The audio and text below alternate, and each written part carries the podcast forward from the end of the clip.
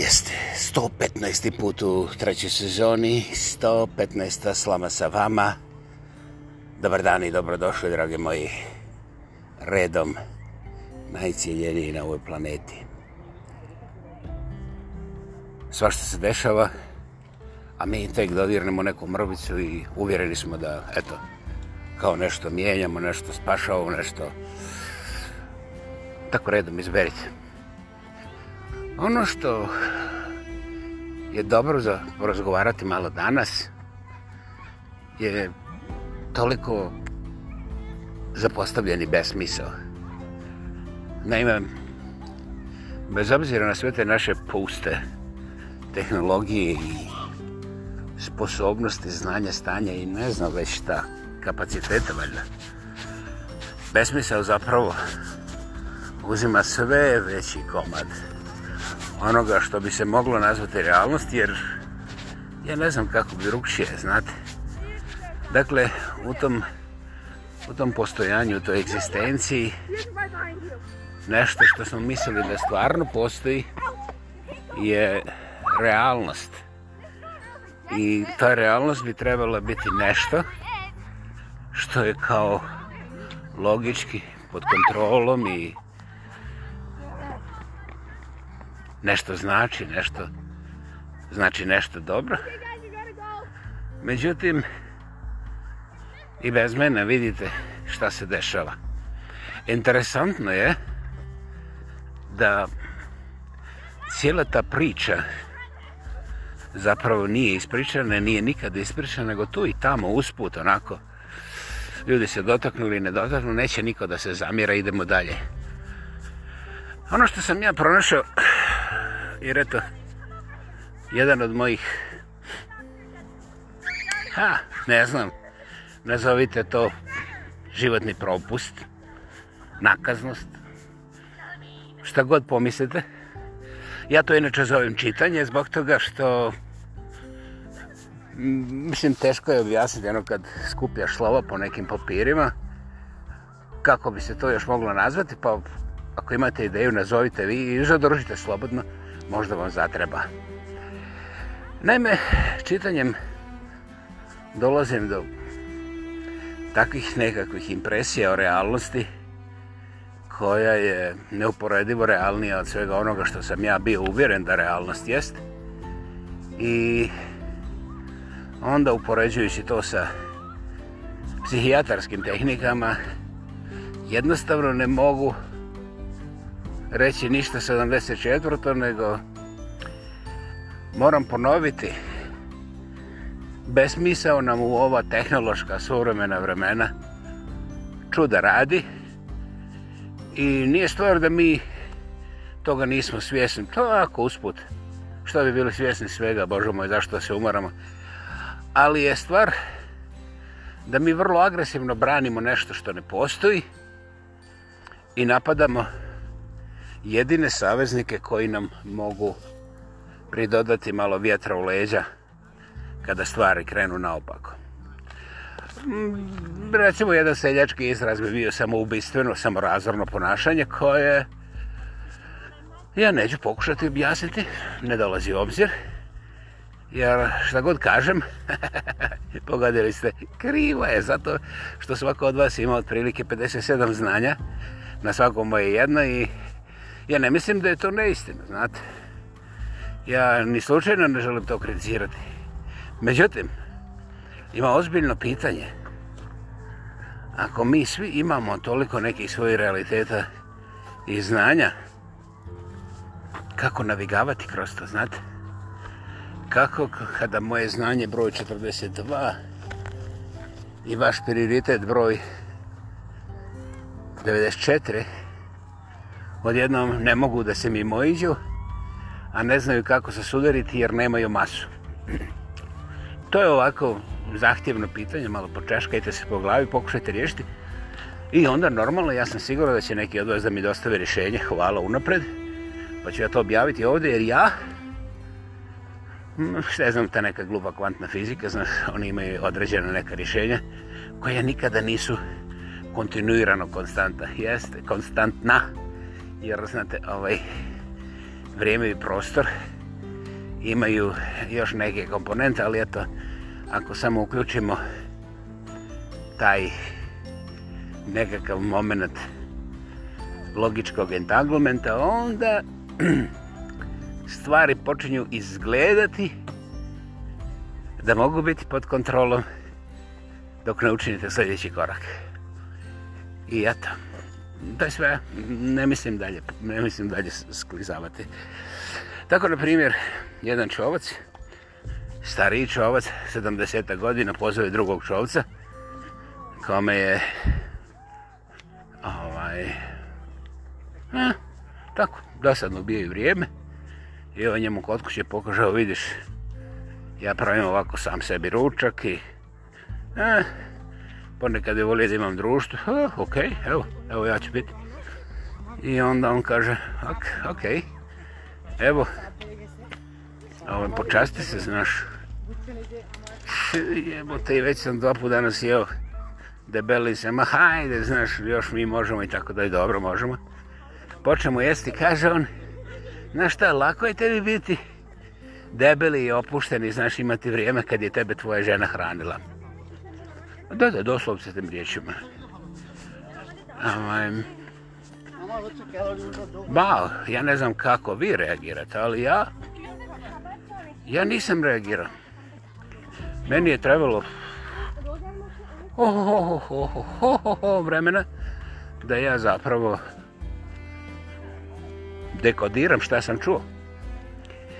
Um, to je bilo pet godine nakon što je moja supruga promijenula.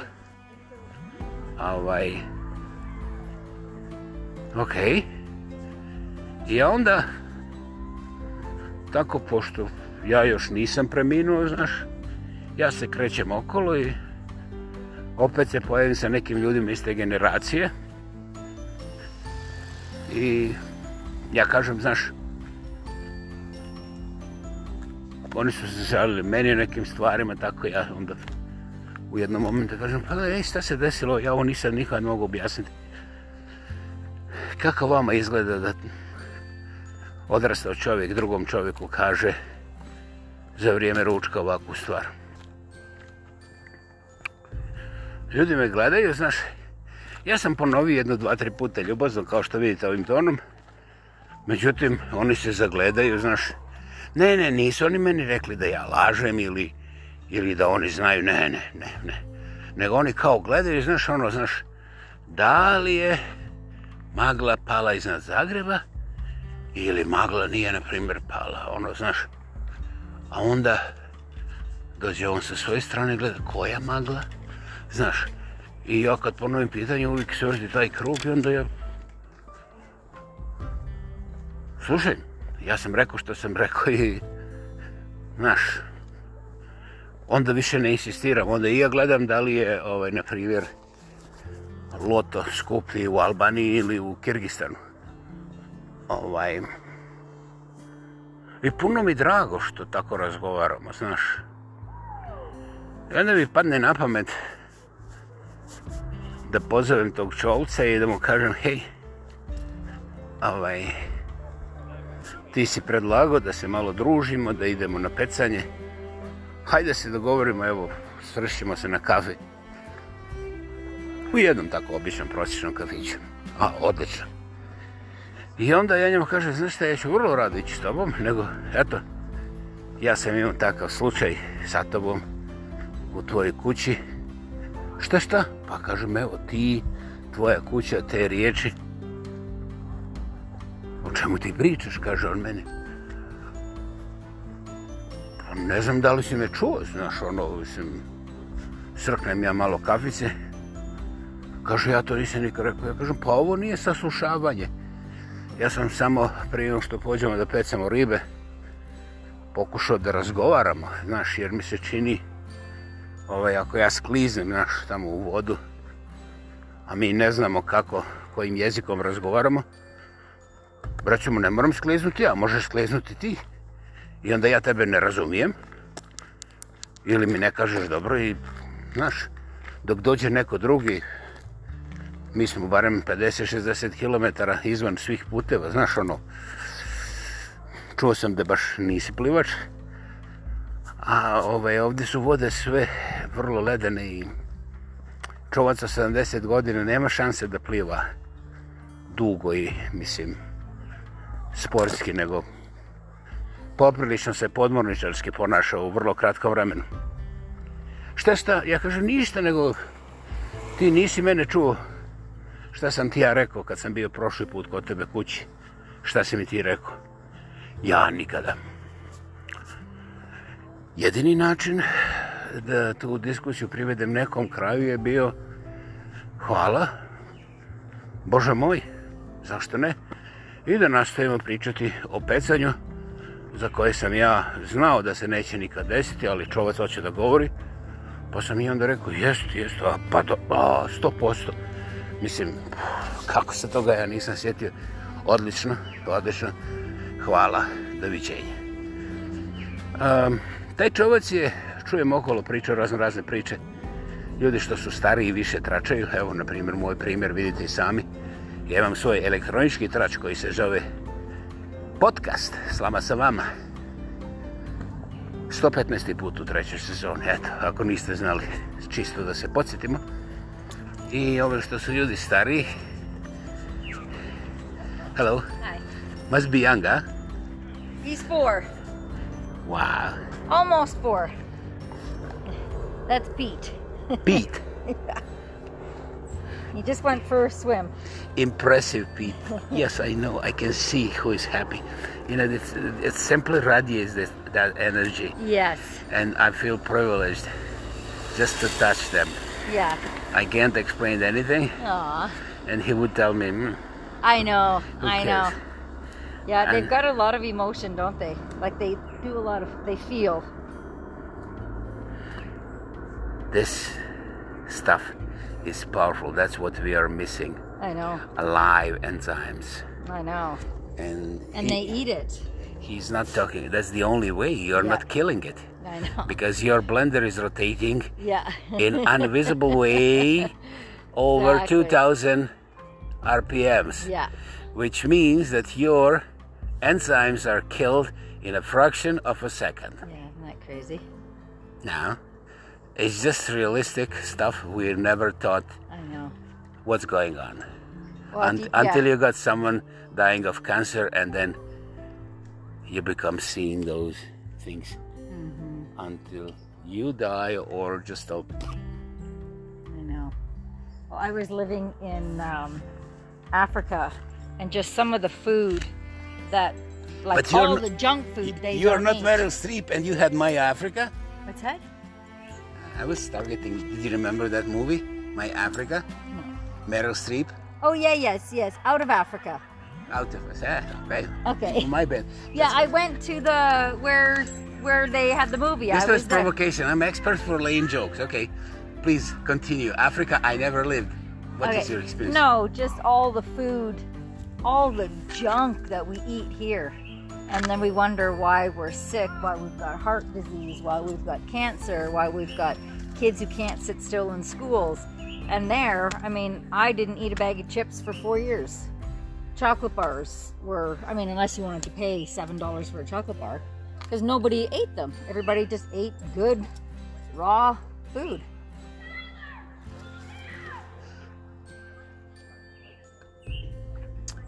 Number one, this dog has such an energy. I was privileged to meet him. Mm-hmm. And in my mind, scan, I have to keep somehow distance. For zillion years, Mm. This entity keep distance. This entity mm. life. And that is exactly what's happening on each and every step in our so-called developed modern world. Mm-hmm. Our world is dying because our basic contact with ourselves in our 100%. Yikes. Um, yeah. That part is um, far from working. Yeah. But on the other hand, I am weak if I'm talking or if I'm emotional. I know. I know. I have to immediately go from here. Yeah. So, bottom line, instead of explaining you, I'm. Um, I'm self-proclaimed linguistic activist, mm. just to keep retired guy yeah. blubbering. Um, I, am I'm, I'm unbelievably encouraged by the existence of those wonderful creatures. No, I'm learning. Yeah. I'm learning many things, not to judge. And um, his, his, his body, his attitude and everything shows me that you are exceptional spirit. Thank you. I'm not looking at you as a male. Yeah. I'm yeah. feeling energy. Thank it you. was a privilege to meet you. Thank Just you. Be Thank happy. you. Have a good night. Oh, gosh, I have to check the chicken. You can bite him. Ok, sad smo se malo napucavali, jeli? Ja bio prekrat, preklasan čugo Labrador, četiri godine star koji je bio na kupanju. A gdje se ja nalazim? Na oboli jezero, bože moj. Inače, na obali neke planine nema kupanja. Mislim, u mojim selima, ne znam kako u vašima. Nik Haj. Ne znam kako u vašima, ja ne bi nikome zabranio, mislim, ali eto, tako je, eto. Dakle, dragi moji, tako je taj razgovor išao i onda, ovaj, da meni nije moj, mog psihijatra, da, to je već nekoliko puta pominjem, to je neki uvodni foršpan za psihijatr i ja. Jedan a, poklon roman koji ja šetam po ovim društvenim mrežama i dajem ljudima koji hoće zaviriti. Dakle, ako se neko žali, znaš što ja mislim ovako ili onko, a, Bože moj, žali se, ali ne meni. Ja neću gledati nikakve žalbe, ali neću gledati ni pohvale jer ja želim ispričati jednu stvarnu priču zbog toga što kada sam psihijatru ispričao ovo što sam upravo vama ispričao o tome gosparu i tom odnosu i tim bazičnim komunikacijama znaš on se nije bacio u nesvijest čak nije bacio sebe kroz prozor mada bih ja htio to bi bilo zabavno gledati i e onda on mene gleda nemo, ja njemu kažem, hehehe, šta ćeš ti sada, 250, 270 dolara je sad, i sad ćeš mi ti gledati kao oni tamo kad sam ih ja pitao, znaš, što su gledali maglu iz, iznad Zagreba, a žive u Kalgari. Mislim, šta ćeš mi prodavati te trikove? On mene kaže, pa, jesi li ti razmislio sve u tome? Pa ja kažem, pa vjerovatno jesam, jer da nisam, ne bih mogao da vam to sve tako složim i prezentiram zbog toga što mene zanima neko je u krivu ko je u pravu jer mi se čini da je to apsolutno irrelevantno ako ja odlučim u krivu su ovi a oni odlučuju u krivu su oni to jednostavno ne znači ništa ovaj, a ako se počne debata vjerovatno će početi ružne riječi ko zna već šta ne i koliko znate ovaj tako da nisam tu. Kažem, mm, to, to, to je dobar pristup situaciji. Ok, slažem se, hvala. Međutim, zašto i ti šutiš, gospodin psihijatra, jel? Kaže on, ti trebaš zadržati svoju misao. I tu svoju misao procijediti kroz svoje filtere prihvatljivosti, neprihvatljivosti, prihvatljivosti zdravosti, nezdravosti. I to je jedino mjerilo i to je jedina komunikacija koja ima smisla. Ja kažem, ček, ček, ček, a mentalno zdravlje? Kažem, to je jedina komunikacija koja ima smisla. Besmisao vodi u rasulo i razno razne bolesti, ne samo mentalne. A smisao? smisao je već druga priča, znate. Smisao je... Smisao je nešto što poklonimo sami sebi. I najvažnija stvar, kaže on meni, ja kod tebe naslučujem da ti nemaš više sve znanje u istom, u istoj razini sa smislom. Ti prepoznaješ da je sve znanje na onoj strani prema besmislu. I to je fantastično, fundamentalno zdrav otklon. I trebaš nastaviti zato što to ne možeš betonirati, nego moraš na svakom koraku, u svakoj novoj situaciji, iznova balansirati, odlučivati i naravno kretati se na taj način. I to je nešto što ne treba zaboraviti. Znaš ono, na svakom koraku, doslovce. Yeah, I sad onda ja nađem da i shoot him. do Don't worry, I can steal it even if you move it. Yeah. Is there any fish here? You know what? I caught one two nights ago. Really? Nice little pike, yeah. I should have ate it. Hey, I would. yeah.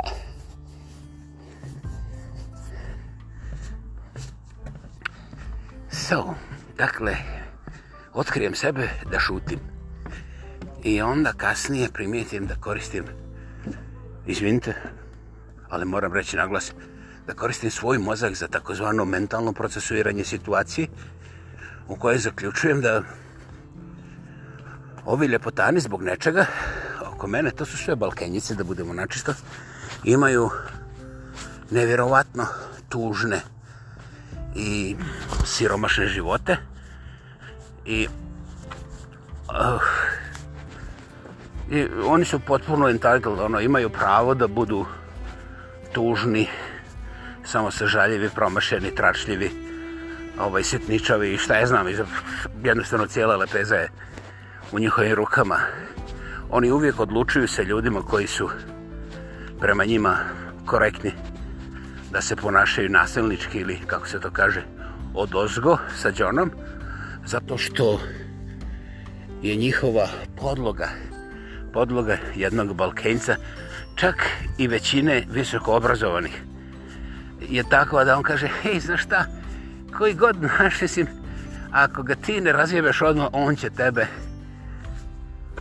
razjebavati cijelog života dakle prva stvar je osmijeh nije da je osmijeh čim čim ovaj malo trepne ti uletiš sa džonom i sjebeš ga, znaš, tako da kad te pogleda da se usere od straha, e, vam ovo zvuči grubo što ja govorim, pa jeste grubo, jeste grubo, samo u, u stvarnom životu to je neuporedivo grublje, ima i ta sitnica, pogledajte i to, i ovaj, ti ljudi su spremni potrošiti cijele svoje živote da bi bili takvi, jer... Uh, to nije ništa u odnosu na ono što gube u toj takozvanoj zamišljenoj realnosti u kojoj oni žive kao normalno, a cijelog života su kao bure baruta koje trči okolo da što prije upali fitilje na svakom buretu, čak i u kojem nema baruta, to nema veze, jer znaš šta, ako oni otkriju da i ja imam fitilj,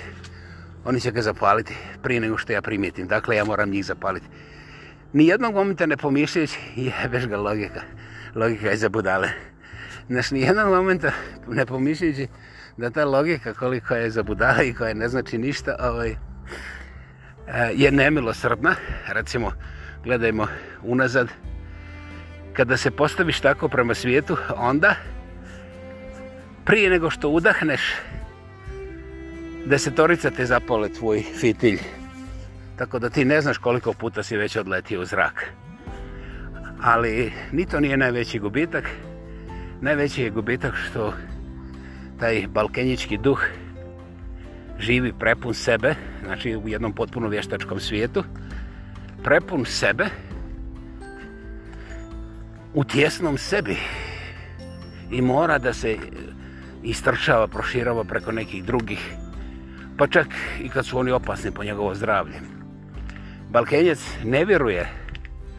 A najbolji primjer ona književnica Baka. Tek je preživjela rak, a traži četnike na stinovitim planinama. Wow! Wow!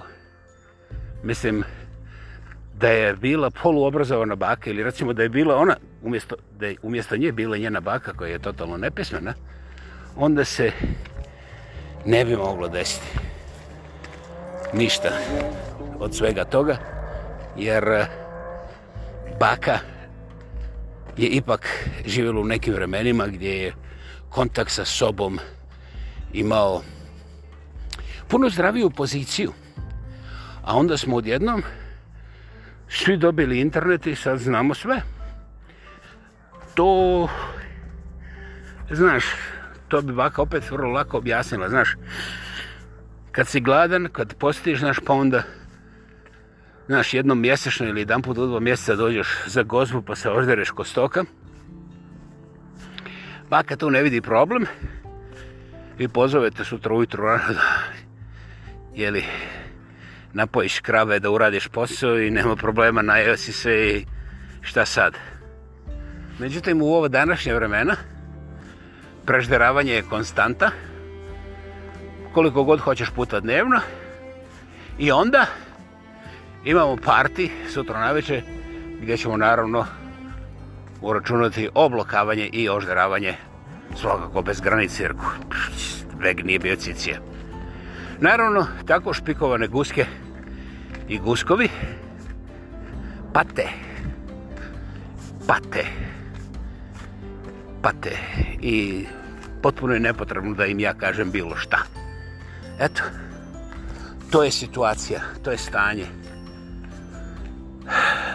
I svi oni koji otkrivaju četnike iz postjenovitih plonina, oni ne mogu biti ni smiješni.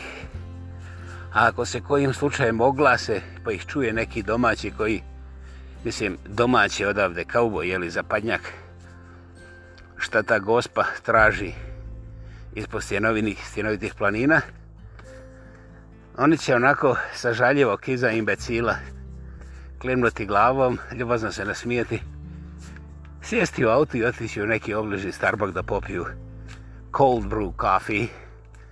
Ah, onako čisto da se opuste i da izbrišu bilo kakvo sjećanje na takav nevjerovatno ljigav i besmislen susret. Dragi moji, Ne postoji dušmanin koji nas može dublje u kanalizaciju spustiti u svakom smislu, duhovno, intelektualno, moralno, materijalno.